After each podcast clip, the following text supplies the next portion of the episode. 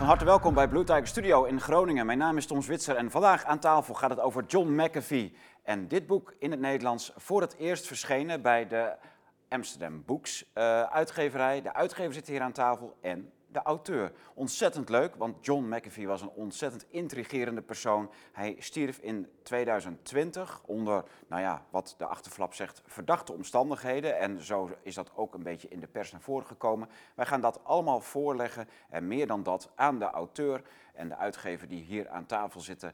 En die uh, bezig zijn aan een trip door Nederland om het boek te, te bespreken, te promoten. En om te zorgen dat u nieuwsgierig wordt dit boek te kopen. En dit boek is ook verkrijgbaar bij de Blauwe Tijger, dus u kunt het ook gewoon bij ons bestellen. Thank you for having you in the Blue Tiger studio, Mr. Mark Eglinton. Pleasure to be here. Thank you very much for you. inviting me. I really appreciate it. All the way from Scotland. Indeed. Yeah. Indeed. And from Amsterdam, Ralph Dekker. Thank you yeah, uh, for here being as well. here as well. Uh, not the first time. No, but the first time in English. Yeah, that's right. Uh, at least we try it. Yes, yes. So, so Mark has an advantage there. Yeah, I, I, need one advantage. Um, we we'd like to to talk about the book, but sure. um, uh, when we talked about it in the in the conversation before, you told me that you had uh, uh, because this man has been died for one and a half year ago, yeah. and um, so uh, I thought at first uh, that the book might be written after his mm. death. But uh, then you told us that you knew him very well and that it was meant to be a, a, a ghostwriting biography. Yeah. So yeah. and and that's the result. So it didn't finish the, the project as a ghostwritten biography. Exactly. And then you did it. Um, yeah, that's exactly that's exactly right. Just to explain, uh, John and I made contact uh, on social media, as you can do. Uh, I ghostwrite for various people, whether it be sports people, musicians uh, in all walks of life. And we agreed to, to, to work on an autobiography with me as the co-writer, ghostwriter, whatever you want to call it. And that fell apart for a number of different reasons. And we ended up with a different format of book, which was written long before John died. Uh, this was a book that was actually complete and finished uh, two months before John's passing. Uh, and I had delivered it to a publisher in April of 2021 with a view to it being published in what, what I think is a very unique format because I did some research uh, about this kind of thing and found very few examples of books where you had people having a dialogue. It's, it's just not conventional where you have one person asking questions, another person uh, answering them. And I thought this was really novel. So that's, that's where, where the idea came from. And we went with it. And I'm very glad it turned out like that. Mm. Uh, and I'm very glad that the, the, the, Dutch people at Amsterdam Books uh, sort of shared my vision for this. How many translations are there from the book? Well, there's, there's, there's others that are in progress at okay. the stage. As it stands, it's out in the US, it's yeah. out in the UK yesterday, and uh, also out in, in, in, Holland, but there's a couple more coming. Wow. Yeah. Great. Congratulations. Thank you, I appreciate yeah. it. Um, before we go to the, to the process of the book, uh, um, what kind of man was John McAfee? It was, it was an, uh, an unbelievable life he lived. Yeah, I've said before, uh, I think the craziest life ever lived. Uh, this was a man who was a genius. He was uh, impulsive. He was deeply selfish. He was deeply empathetic. He, uh, John McAfee was a man of just endless contradictions. And I think one of the things that I took away from, from, from working with him was that we all are.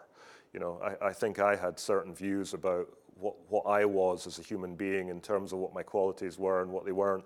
John taught me that we all have these. We all have weaknesses. We all have strengths. And he had it only in a very, uh, uh, yeah, he, everything was big with him. Yeah, everything was huge. Uh, and uh, he, he lived life on a scale that just other people can't. Now, I need to qualify that and say this was a guy that made a lot of money. And if I was to try and live uh, a life like he lived, I'd probably be homeless in 24 hours. Uh, but John had 100 million plus dollars, and if you have 100 million plus dollars, you can live this life, and he did it, and uh, he did it with no regrets.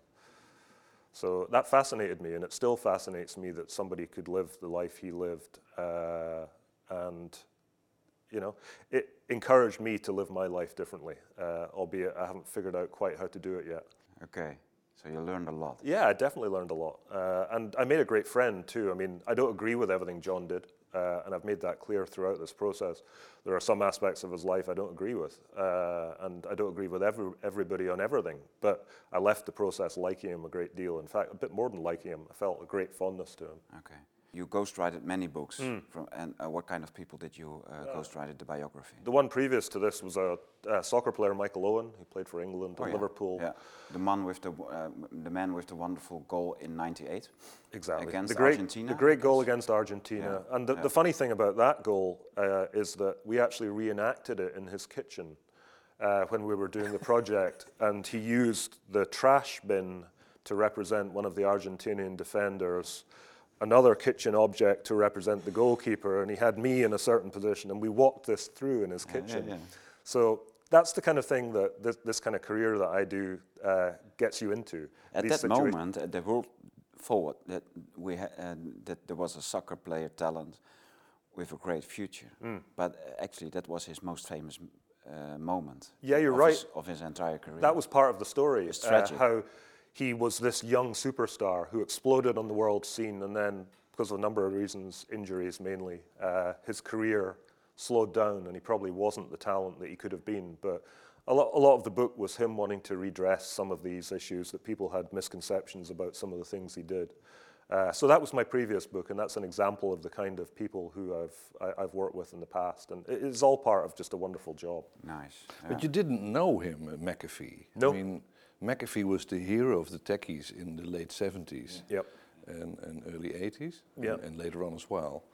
Um, but did you try to contact him through Twitter or something like that? Yeah, that's exactly what happened. And you know, the, the world we're in now, these people are accessible in a way that they just weren't. I mean, if you if you had tried to contact someone back in the 80s or the 90s, how do you even do it? Nowadays, you send a direct message and hope he answers. And he did very quickly. He came back to me and said, "Yep, let's do this. Uh, will it cost me anything?" Which was a strange first question. And I said, "No, it won't cost you anything. Uh, it might cost me something, but." And we started this friendship, which was us kind of sizing each other up. Uh, do I trust you? Do I think that you will do the, the, the job properly? In every other book that it I've was been, a hard process.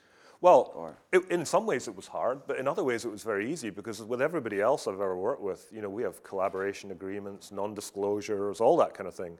With John, we looked at each other on Skype and said, "You gonna come after me if I don't do what you tell me to?" Said, nope. Are you going to do anything? No. So it was like a sort of visual handshake. Yeah, let's do this. There was no contract, no collaboration. Wow. But he was on the run at the time. Yeah, he was I on the run. I think Ah. that His, that his changed the whereabouts were unknown. Yeah. Yeah. So for what exactly was he on the run? John was on the run for, uh, according to him, and this is an important thing because what John thought was happening in his life and what might, might have been happening may be two different things. Okay. But on paper, he'd been, uh, a grand jury had indicted him for tax evasion in the US. This was non filing of tax returns for 10 years. And his opinion on taxes was I've paid enough, I'm not paying any more. And you know, he'd been living out of the country, hadn't been driving on US roads, been living in Belize, and thought, well, if I'm not benefiting from the inf- infrastructure of the US, why should I pay tax towards it? Now, there's lots of people that don't pay tax in lots of countries that don't get chased by three letter agencies. But where I believe John got into trouble was that not only did he not pay tax, he went out there and started talking about cryptocurrency and saying, That was a real danger. that, well, that, that changed the game ah. because it's one thing not doing it, it's another thing telling people how they can not do it too. And I think that made him a target. I mean, that in combination with the fact that he had a public profile already, he'd run for president as a libertarian candidate, he had a million followers on Twitter. All of a sudden, he focused this attention on himself uh, in an attempt to spread the message and became wanted on that basis. Uh, and that was what forced him into hiding. And when I, when I first made contact with him, he was in hiding. I didn't know where he was. He never told me. I only found out after he died. Is it so easy to, to keep on the run and uh, No. stay out of government? Uh, It isn't. I mean, John tried. He left the US on a yacht in 2019, went to Bahamas, got flushed out of the Bahamas, ended up in Cuba, ended up in the Dominican Republic. all on his yacht. Yep. Okay. Yeah, So when- he- on his yacht he was safe. Well, yeah, I mean, you're, you're in the ocean, but there's only so long you can stay there. Yeah. So you have to To dock somewhere. yeah, and fuel up. And Yeah, all these things. And he just ran out of places to do it. And ultimately got to the Dominican Republic, was arrested, and given the option of being extradited to either the US or his country of birth, which was actually the UK. John was born in the UK, the son of a US serviceman. Lived all his life in the US, but he had that advantage of two passports. Wow. So he got extradited to the UK and then disappeared uh, to wherever he went between 2019 and when he died. But I now know it was Spain. Uh, so But he was a, let's say, he was an early tech genius uh, in such a way that uh, in the 70s, uh, techie guys who knew how to work with computers were very scarce, so, uh, and the, the whole business was growing. So wherever he, he went to work in big companies, they needed his skills. So he, in no time, he made a huge difference there. Hardly ever came to work, but when he came, he, he changed the whole thing. So he was paid very, very handsomely, and he he worked his way from from one company to another, um, across various countries. yeah. He was in Germany, in Brazil. Yeah. It was it's great, for instance, when there was a an opening in Brazil, um, very important opening, and the the company people were asked uh, who speaks Portuguese. And then he said, "Well, I speak Portuguese." He didn't, but he spoke a bit of Spanish. But based on that, he was sent to to Brazil, um, where he had to be uh, had to manage 200 programmers, something like that. Um, and the first thing he said was, "Okay, guys, your big problem here is that no one speaks English. I'm going to change that." So, and that whole company uh, became a big success, and in no time he made a difference there as well. And they paid him handsomely. It was it was uh, time after time was the same story. Yeah. Uh, and every time, and again, he was even more successful. And then uh, alongside that, he started his own company, basically in, in trying to solve these virus problems. Yeah. Uh, and he was the first there. So he was the he was the hero of the tech company. I know because I was I was joining the tech of uh, of Amro Bank in '82. Okay. Uh, and that was sort of the era in which he was really thriving. absolutely, yeah. You were a couple of years before the beginning of McAfee antivirus, which Yeah, that's 82. I started '82, but and, and he did? Mac- McAfee Antivirus as a company started in 84, 85. Wow. But there was a build up to this. Uh, But there were hardly computers. They were the, the, big as, as these rooms. yeah, uh, there were mainframe computers. yeah, Yeah. Uh, but there were already viruses for that computer. Kind they, of they were starting to appear, and Aha. John preempted all of this. He had what's called a message board. He was literally in a sitting room in his house and had a message board where people were communicating very, very simply about computer problems. And this developed into a business uh, and became a very big business that still exists now. But it wasn't intentional. At no point did he say, I'd love to be a, a corporate boss or anything like that. It just happened by accident. And it was this confluence of, of threats and solutions. People were making viruses. He had the solution to the viruses. And, And those people don't. They, they weren't the same. Eventually, that was a, that, well, like, like in these times. yeah, I mean, it's, a, it's funny you say that because John said that later, uh, once the kind of main thrust of all the viruses had passed, they actually hired virus makers to help them because these guys weren't making any money. There was no money to be made in making viruses, but there was definitely money to be made in coming on board with a company like McAfee. So he actually sourced some of these guys Yeah. who'd been out there in the past Yeah. making his business and his life hell and paid them money. So yeah, th- that did happen. But he was a true tech pioneer, and the, the, the nice thing is that he, he stayed on top of this whole area for 20 years or something, even more. Because even in the beginning of the 2000s, he was still uh, a specialist, a, a know-it-all, uh, talking about crypto and all this sort of thing. So he, he kept on top of the whole area. But that's so fascinating about the guy that he was um, most most of the times when you have uh, the ultimate uh, computer nerd. Uh, John McAfee was a was the ultimate playboy as well. He he had tattoos. He he lived a life full of drugs, women, and and and so on. and he was uh, on top of the tech uh, knowledge Yeah. as, as well. That's, a, that that's a unique position. Yeah. Yeah. Uh, and w- we talk in the book about some of the people who were around him, and he acknowledged as being greater computer brains than he was. And these people were exactly as you describe them people who were socially incapable of communicating, people who only understood the computer world, not people like him who understood the computer world but could live huge lives as well. I think John was the first person to ever be able to do that, those two roles. I, I- I would say he was uh, a brilliant man, but he was also a, a, a, full animal. You know, he, he lived all his, uh, yeah, everything you could do, he, he did it. Yeah. And um, was that the reason that that he saw the possibilities of the cryptos uh, in a very early stage as well? Or? Yeah, I think so. I think John was somebody, as I said before, he, he, he saw problems before they became problems. In I the financial system. Yeah, financial system he was always very skeptical about. He was always, and, and that went hand in hand with his skepticism about uh, security, cybersecurity, etc. And I think he saw crypto as a solution to both of those uh, in terms of privacy of finances and uh, financial freedom, which he believed very strongly in and had demonstrated himself that he believed in it. Uh, he believed that your earnings were your own business and it's not the business of governments to interfere in. Now, that's a debate that's raging at the moment. Governments taking different stances on that.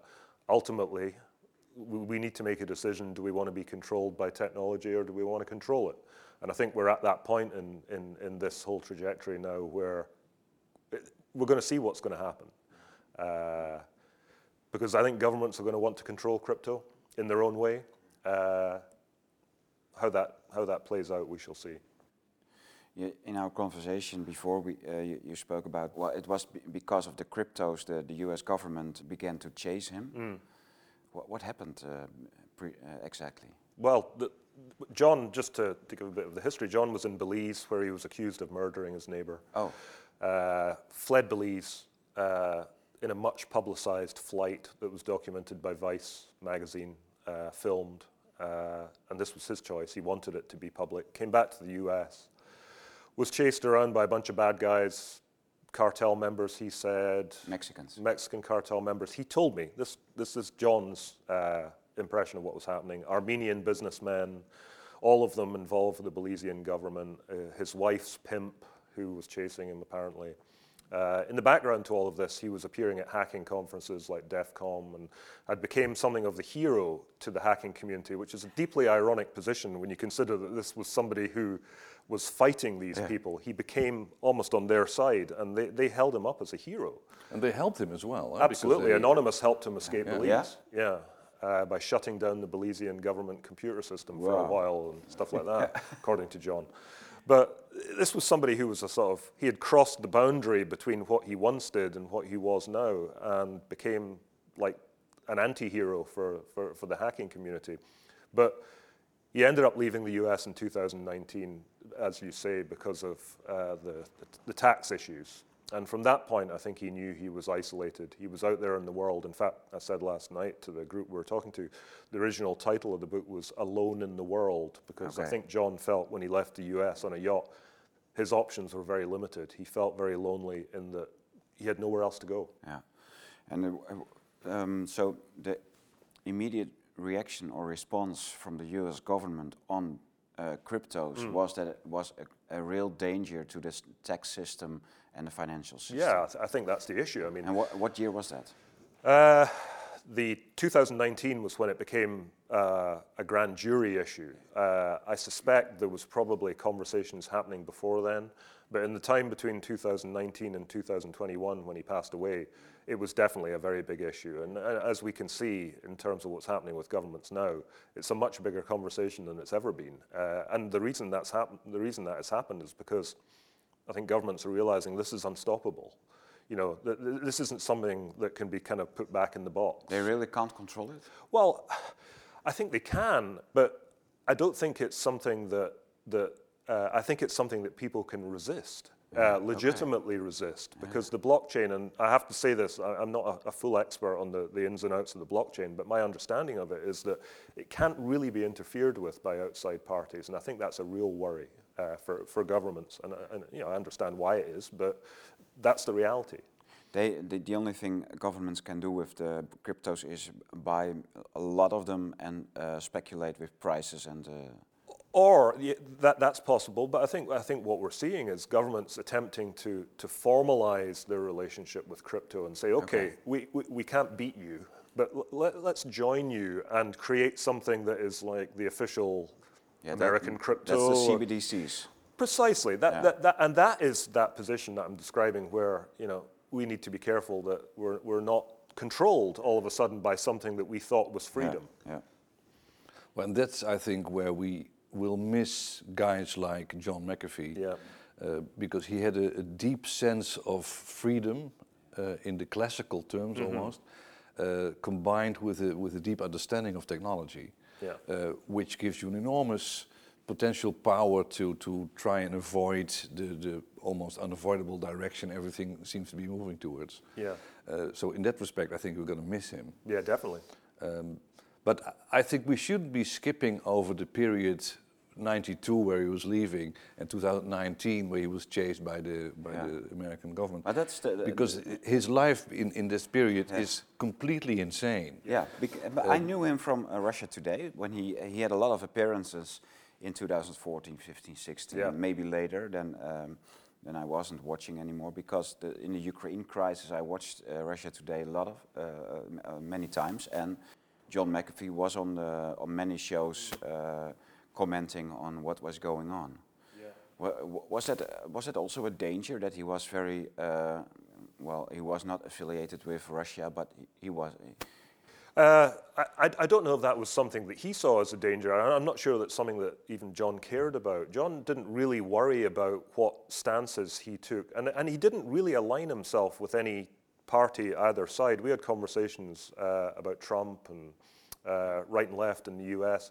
John didn't really have a position that he took on these things. John was somebody who was willing to dispense with traditional left right views and take positions according to how he felt. And sometimes they were conflicted. Uh, and ultimately, he ran as a libertarian candidate in the US in both 2016 and 2020. Together with the uh, the Paul family. Uh, well, 2016 he ran with Judd Weiss, who is actually the, the, the, the chap who's doing the NFT with Amsterdam Ah, Books here. Uh, and I said to John, Did you ever think you could be president? He said, Of course not. That was never my plan. My, my plan was just to do this because I could. You know, this, this is fun. And, and what, what it invited for John was the opportunity to do absolutely crazy, unhinged campaign videos of him on jet skis with guns and women clinging to his back. And he could, he could bring every situation he was in in his life back to the McAfee meme, which was this crazy, mad tech guy who did what he wanted. John managed to find that in everything he did. Did he have any, any acquaintance to Ron Paul? Not that I know of. Because they're in a similar sort of Yeah, political realm at the time. absolutely. So No. more, th- there are different libertarian parties. Uh, I think there are, yes. The, the uh, I don't know the, specific, the specifics of that, but John was the official Libertarian candidate, or one of them, for the 2016 uh, uh, election, and really wasn't that far from being elected as the Libertarian candidate. He was. There was a lot of people who were backing the McAfee thing, but I think they backed the McAfee thing not for his policy, but because listen, who, who can't approve of what John is doing with his life? It, it, is, it is too much fun. And I think fun is a word that needs to, to be remembered a lot with John. But he was chased in the period that Donald Trump was president. A lot of people here in the Netherlands uh, still uh, praised uh, the Trump uh, era because there was a lot of freedom, and they say, well, if Trump still was in power, then we ha- we were we, we wouldn't be in war with Russia, etc., etc. But the system then, in the Trump era, was still chasing real freedom-spirited people. Yeah, I think that, that plays into something that John and I discussed about the, the position of president uh, and what it actually means. And, and one thing that John said is that you could pull someone off the street, just a vermin, And put him there. put them there, and they would do the same job. Because, and I said, why is that? He said, because the president isn't making the decisions. The decisions are coming from the people above the president. I said, who are they? He said, there's your, you know, call it Yeah. deep state, call it what you want, but uh, these people who are presidents are merely transient puppets. They're actors, and they're there to act, and all the major decisions are being made uh, from above. So when you say that that was happening in the Trump regime, yes, because it happens in every regime, I think. Oh, uh, it's, it's similar that uh, we uh, published a book in German in November, and it, it's called Game Over, and it's telling the same story. So it's, it's all, and he, he shows the, the writer, uh, he, he shows all the names and puppets and uh, who's, which places they take and what role they play, etc. Yeah. Yeah, and John understood all this, Okay, uh, yeah. which was fascinating for me because I didn't understand that But before. he saw it from quite from inside. yeah, Yeah. exactly. What knowledge did he brought uh, from his? Uh, because he reached the top of the tech uh, companies Mm. and he saw everything what which was going on there, uh, uh, which uh, courses and decisions were made, and what directions they were heading to. Um, uh, what did he learn from it? What, did he see it as a threat to freedom? Of course. I mean, I, th- I think he understood that, uh, you know, technology is one of these things that we all like. Uh, I mean, it has made our lives immeasurably better in, in, in one respect, but at the same time, you find yourself in Australia during the COVID uh, crisis with an app that the government can use to establish whether you've left your home. You know, so I think John understood that. You know, there are benefits, but as soon as we go the other way, we, f- we find ourselves in a situation where freedom is fundamentally threatened by technology. And, and he was very, he, he, he was warning that long before it ever became a reality. Uh, and there is another element to this in that John worked for the CIA on a black program uh, prior to starting McAfee antivirus. He was hired uh, at the time he was working for Lockheed Martin Yeah. and was was was approached by the CIA to work on a black program, which he never gave me details of. He said, "I can't, you know, I just can't tell you what the details were." He said, "All you need to know is that the work we were working on in 1981 is only now becoming a reality in the world," which gave me a sense of just how far ahead these Yeah. organizations They, are working in they, are working 30 years ahead. Yeah, what, what what is it they're doing Okay. that will become a reality in 20 or 30 years' time? Now, there might there may be good elements of, of work that are happening. Let's be real. There will be aspects that are, are, are helpful, but there may be aspects that are not, and we just don't know these things, and we have no way of knowing them until all of a sudden they are a reality. Uh, but John knew all this, so he was in a, a unique position. And he, he never mentioned what kind of things the CIA was working then. couldn't tell me. He said that the punishment was death, Yeah, right. which may have been an exaggeration. But he is dead. Yes. Yeah. How suspicious is that? I don't think I don't think so. Uh, originally, I did. I thought, Yeah. y- y- y- you know, I don't know if people are aware of the, the dead man switch conversations that happened around the time when John died. You know, there was a suggestion that if he died, there would be information Yeah. released, etc. I think that was John bluffing. Yeah? I do. Yeah? yeah, and that was that was John's So way. he really committed suicide? I think? think he did. Yeah, Okay. I, I've been back and forth on this in my own mind over the uh, the, the months since it happened, and Becau- m- But the system he was fighting, they have quite a record in uh, killing people in jail. Yep, that, I don't doubt that. I think John, uh, I think John was going to be extradited ultimately to the U.S. And he did say to me in some conversations, if I ever end up in jail in the U.S., I will just disappear. And John McAfee, with the ego he had, the, the, the sort of the, the joy of living, I think would have really struggled from an ego perspective to be in some anonymous prison in Iowa or wherever. And I just thought, I think he thought the, the prospect of that age 75 was just not worth. I think he would have found that to be a very unsatisfactory end. And it may be he weighed it all up and thought, you know, had a good life, had a good run, uh, this is the end. That's my feeling. I do believe that. He was 75 at Yeah, the end, so it was quite old because it, when, when I remember him from just a few years ago, he was full of tattoos. He was a strong man. Yeah. He had a, a- a good, healthy, uh, well, appearance. Yeah. uh, Uh, prison broke him. There's no doubt Okay. about that. I mean, he, he, he, he tweeted from prison, not, not, not himself, but he relayed information to be tweeted. And y- if you looked at the trajectory and the narrative of that, it, it, it started being quite, at the beginning, it was quite, uh, you know, aggressive and punchy. It became a little bit more resigned over a period of time. You know, it got to the point where he was saying, you know, I am happy in here. This is if this is what my life is. The food is okay. I've met some friends, etc. I, I, I felt knowing John as I did, him becoming resigned to his position. Uh, the last video I saw of him, where he was pleading his case by video call, he was a third of the weight that he was when I Oh, spoke to him. He, okay. he, he was he was emaciated, almost unrecognizable. Uh, I, well, he just- was big. He was very. John was a, a big, strong man, as you say, and I think the life had been machined out of him a little bit in prison. Uh, Well, he did lead at least a dozen normal lives. yes, That's without exaggeration. That he made it to 75 was It's- it's amazing. It's- on yeah, itself. yeah. Because when you look at all the drugs he used, all the women he had, all the various escape Faked tricks heart that attacks. he unbelievable. Yeah, he faked a heart attack, faked a stroke somewhere else, and Yeah. he did all this stuff with real calculation. You know, on one occasion he faked a heart attack, knowing that his lawyer had one hour to submit an appeal to stop him being extradited from, uh, on this occasion, the Dominican Republic. He knew there was an hour window, and he thought, how can I use an, how can I find an hour? Uh, and I said, okay, uh, what'd you do? He said, I fake a heart attack. Uh, he said, if I look like I've had a heart attack, people will have to come. Medical people will have to come. They will have to check me out. They will have to take me to hospital. They will have to go through the process.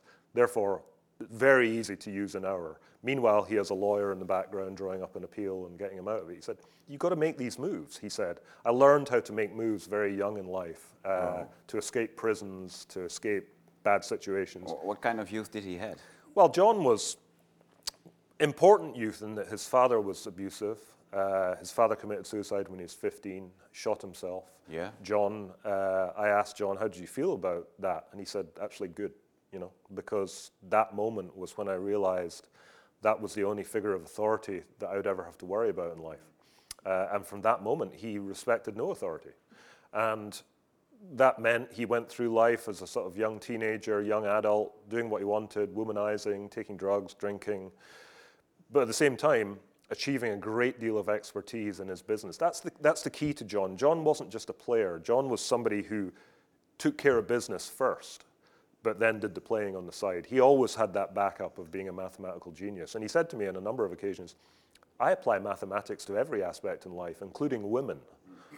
And I remember saying, uh, I'm not really sure how that works. Uh, you need to explain how you apply mathematical formulas to your relationship with women. We never got there, but John always did that kind of stuff. Well, Uh, that wasn't quite uh, using your genius as a backup for life. It was using your genius all the time. yeah. Well, one of the amazing things that, that I had when I read the book was, you know, we discussed that when we came here, that all of us have, have some plans, some ideas, and then you think about it and you abandon the idea again because it's, it's not feasible or too, too complex or whatever. What he did was not just having ideas, but fully implementing them before actually abandoning them. So he set up, uh, he wanted to have jet skiing over hundreds of miles as an Olympic sport. Well, you and I can think about it for five seconds as well. He implemented it. So he went and tried that with, with a friend. And indeed, on jet skis on the ocean, uh, go for two, three hundred miles, uh, which is extremely dangerous. But he simply did that and had a number of these jet ski uh, machines.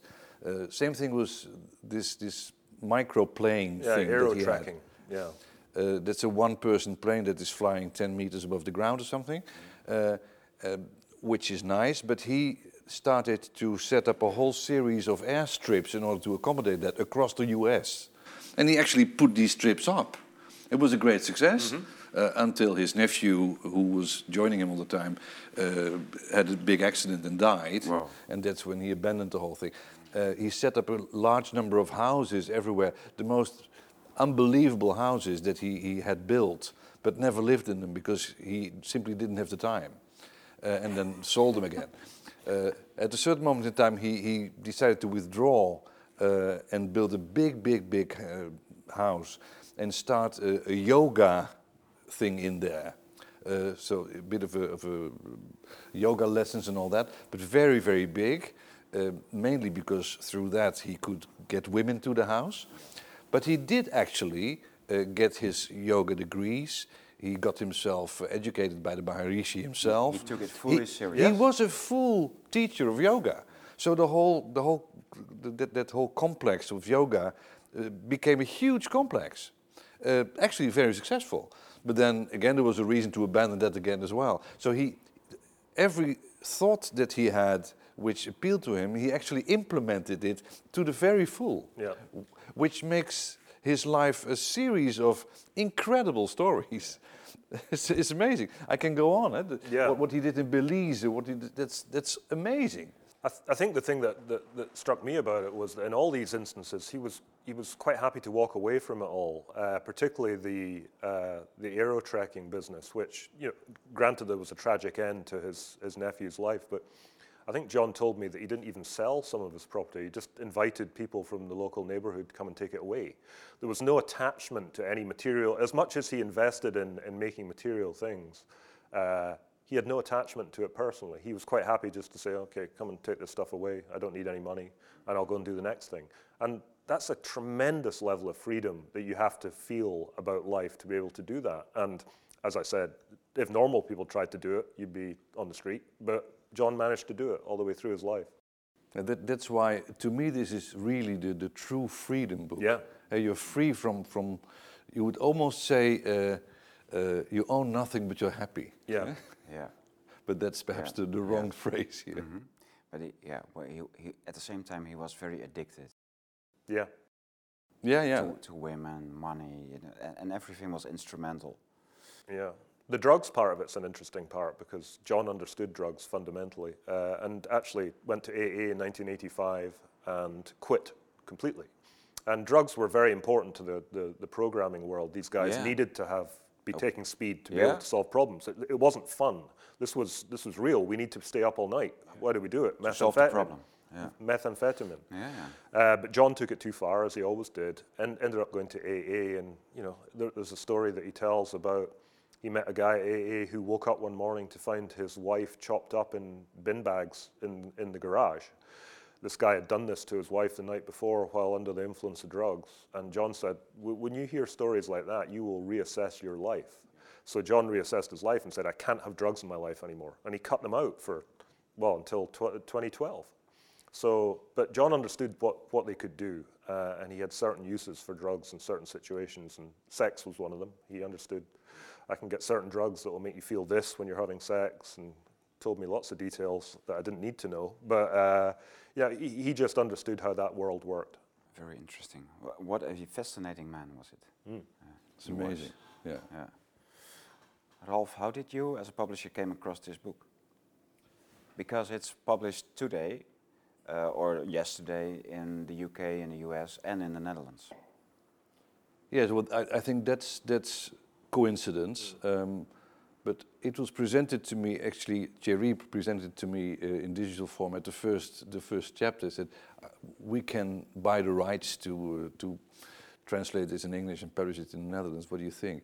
So I read the first chapter, and I was it was a page turner right away, because that's when uh, when Mark was was having this call in the in the car, and suddenly, I mean, uh, John McAfee was was a big name and a bit of a crazy guy. So the the story really takes off like crazy. Um, so I was page turning the first chapter. I said, "We need to do this," and that was the only. Uh, the only remark Jerry needed in order to, to decide indeed that we uh, were going to do this thing, and it's well, it's it's been fun. It's really uh, sometimes you, you come across a book like that and it's it's a no-brainer. But it's also in, very inspirational for the freedom movement uh, in our own countries. In, uh, in, in all Western countries, freedom is under heavy pressure. And reading this book, uh, having this man as an example, Yeah, it's got several layers in that respect because it, it is an adventure book. When you Yeah, read yeah, it, yeah, you, you can course. simply read it that's as the a. As a it's a page, page turner. Exactly, but at the same time, and you realize it slightly later, uh, it's it's an, a token of, of ultimate freedom, Yeah. uh, which you only come to realize afterwards. Uh, and then it's also about crypto. It's about technology. It's about so everything sort of falls into place. That that's the nice part I think of this book. So you can read it as a nice book uh, uh, on the beach because it's it's an interesting read, but there's also layers beneath that that that give it more meaning. So it's it's a fascinating thing. Yeah. I, I, some, some people have made comments to me about it since, in, in, to an extent that I didn't really appreciate myself, in that John is not somebody who uh, explicitly signposts information for people, if that's an expression that makes sense. He is more subtle. He leaves what we'd say in England or in the UK breadcrumbs for people, like yeah. a trail to follow. And there was one in particular that somebody raised, which uh, when John was talking about uh, drugs, and he said that he preferred drugs sourced from Chinese, the Chinese industrial uh, drug manufacturers. And he, he made this throw, throwaway line to me. He said, Yeah, they, they, they use that for sort of mind control in, in China, the Chinese Communist Party. And I was like, Oh, okay. Uh, that came out of nowhere whatsoever. All of a sudden, we are confronted with the information that Chinese, the China are making drugs that control mind, uh, which was something I didn't have full knowledge of, but this was something that John McAfee said in passing as a result of his deep exploration of drugs and sex. But that's an example of one of those breadcrumbs that was just thrown out there for the reader. Yeah. You know, either you pick up on that or you don't. And that book, I think, is, uh, is full of those. And even as the person who wrote the book, I didn't identify them all at the time. I've, I've seen them later. Yeah. Uh, and But that was John's skill. When this is used in China, um, then it's there's a high possibility that it is used here. Well, I mean, do, do we know what, what drugs are being used and by whom? We don't. And all we have all those biolabs, you know, Yeah. even in Ukraine, even American biolabs in uh, China itself. So, uh, what's the cooperation between those uh, two countries? Yeah. And what is applied here in our biolabs, which are controlled by American companies, Sure. American government? Yeah, that's an example of a question being thrown out. Uh, and this book throws out many such questions Wow. that asks us to think what is the, the picture? Uh, there are no conclusions drawn. It's merely pointing to something to say, this is what happens, and it is up to us to decide wh- what we want to look into and what we don't. And I think that's the, one of the great strengths. Yeah, because right now we, we know that when our government has opportunities, when our governments all in the West have certain opportunities, they sooner or later will apply it to, to us. Yeah, and it goes back to what I said about the, the, the, the three letter agencies uh, creating programs that, that come into fruition many years down the line. 30 years ahead. Yeah, who, who knows? Yeah. Uh, and the answer is we don't know, but it, we, we'd certainly be doing ourselves a disservice not to be thinking about it. And I think that book uh, and John McAfee is, is the voice of that kind of thinking. I just received the first, uh, uh, my first copy, um, so I will start reading it tonight. Thank you. Uh, thank you very much for being here. Thank you. And f- for being in the Netherlands promo- promoting your book. Thank you. Um, when you go back to Scotland, what, what will you, con- what story will follow? My next book. Yeah. My next book is in existence. Uh, I'm working with Steve Bannon uh, Ah. on a. It's a biography of Steve, and and, and in some ways, uh, Steve has been a, uh, a supporter of this book for me in the U.S. Uh, he had me on his War Room This- podcast, this one? the the English edition, uh, the U.S. first published. He got me on there when John died. He got me on there, and Steve understood the, the McAfee uh, appeal, the, the, the fact that he was a true American, a patriot, uh, a renegade. Steve liked that. And I pestered Steve for some time. I, I want to write, I want to co-write a Bannon book because I'm fascinated by Steve in the same way as I'm fascinated with John. You know, I want to know about the pre-Trump Steve Bannon. You know, Steve Bannon in China, Bannon in Goldman Sachs, Bannon in Hollywood. All these dimensions of Bannon that nobody know about. They just know, you know, what they call sloppy Steve in Yeah. the White House. Yeah, yeah, yeah. But there's so much more to him. Uh, so Steve said, "Oh, I don't want to do this. No way. Not not doing it." Uh, I said, "Okay, let me write a book about you, uh, and will you endorse it as being semi-official, like the definitive ban?" He said, "Okay, let's do it." Nice. So I'm doing that, and Steve understands that it can't be sycophantic. It can't be me saying Steve Bannon's the greatest person in the world. uh, Steve is perfect. It has to be this balanced take on Steve. And as a result, I'm going to be talking to people who don't like Steve because I want the, the light and the, the, the, and, and the darkness of, of the picture. And this is what I do. This is what I'm trying to do with my, my career is I try not to take too many positions because I can't afford to be judgmental in the actual role with the book. Uh, You know, there's subjects that interest me. But at the end of the day, as I, as I said to Ralph when he gave me my politically correct speech, that I need to be this voice of reason, the sort of stable person at the center of the story and conduct the, the elements to it. So I'll be doing the same with Steve Bannon. Yeah. I, I'm very curious because uh, Steve Bannon is a, is a lib- liberty-loving uh, man, as is or was John McAfee. Mm-hmm. Yeah. But at the same time, he's a Catholic. Yep. He uh, was more active in uh, official uh, structures like government and under Trump and, and Yep. other ones. He uh, failed to have his own monastery in Italy.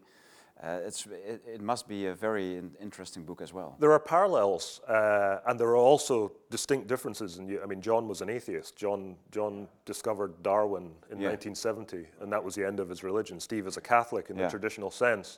Both of them have had lived kind of everyman lives, as I would describe it, And these are the people that are really interesting in life. Uh, Steve didn't want to be a politician any more than John wanted to be a corporate type. Steve hated the Trump administration. The last thing he wanted to be was a staffer. He did the job to get Trump in power and he left. And he left because of all the limitations of working in that kind of environment. And Steve is never happier when he's out trying to make monasteries in Italy Yeah. or run the war room Yeah. or whatever it is. He wants to live. And, you know, when I think about it, there are some similarities between Steve and John in terms of how they live their lives. It's in multi dimensions, albeit they're very different type of people. Uh, but I, I, I, I view Steve as a sort of friend and colleague, uh, but at the same time, I want to write an accurate book, a depiction of this life, and uh, I'm looking forward to getting stuck into it when I get back to Scotland. There are already books about him. There are. This will be the best. Yeah. This will be the best. I know. this will be the We best. know, Rolf. absolutely, absolutely. So yeah, that's next for me, Yeah. and uh, I, I, I, I like living in my location in Scotland, being detached in some ways, but still able to communicate and, uh, and do these things. So uh, I'm very grateful to be able to come here and talk about it. Thank you very much, uh, Thank Mark. you. Ralph, thank you for uh, Thank you for coming having here us. and driving Mark all the way to, uh, to this place. Ehm, hartelijk dank voor het kijken. We zijn aan het einde van een, eh, een heel interessant interview over een nog interessanter boek. Eh, ja, ik, eh, zoals gezegd, dit is voor het eerst dat ik dit boek nu in mijn handen heb. Ik ga hem vanavond lezen. Hij ligt ook al in onze webwinkel. U kunt hem daar aanschaffen. Eh, er liggen, eh, ja, de, de promotietour is in volle gang, dus er komen ook nog interviews in de andere krant, geloof ik, Ralf. Ja, er zijn allerlei dingen. Allerlei ja. dingen aan de gang, want eh, Mark is hier een paar dagen. Dus u zult nog van hem horen.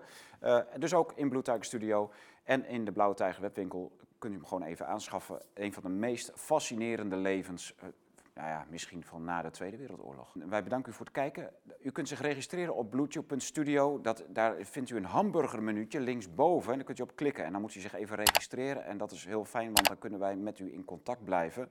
Eh, al, ook al doen wij dat nu wat spaarzamer via alleen de nieuwsbrieven. Er komt een tijd aan dat dat allemaal veel moeilijker gaat worden. En dan hebben wij, u en wij hebben eh, contact met elkaar op een hele andere manier. En daar zijn we ons op aan het voorbereiden.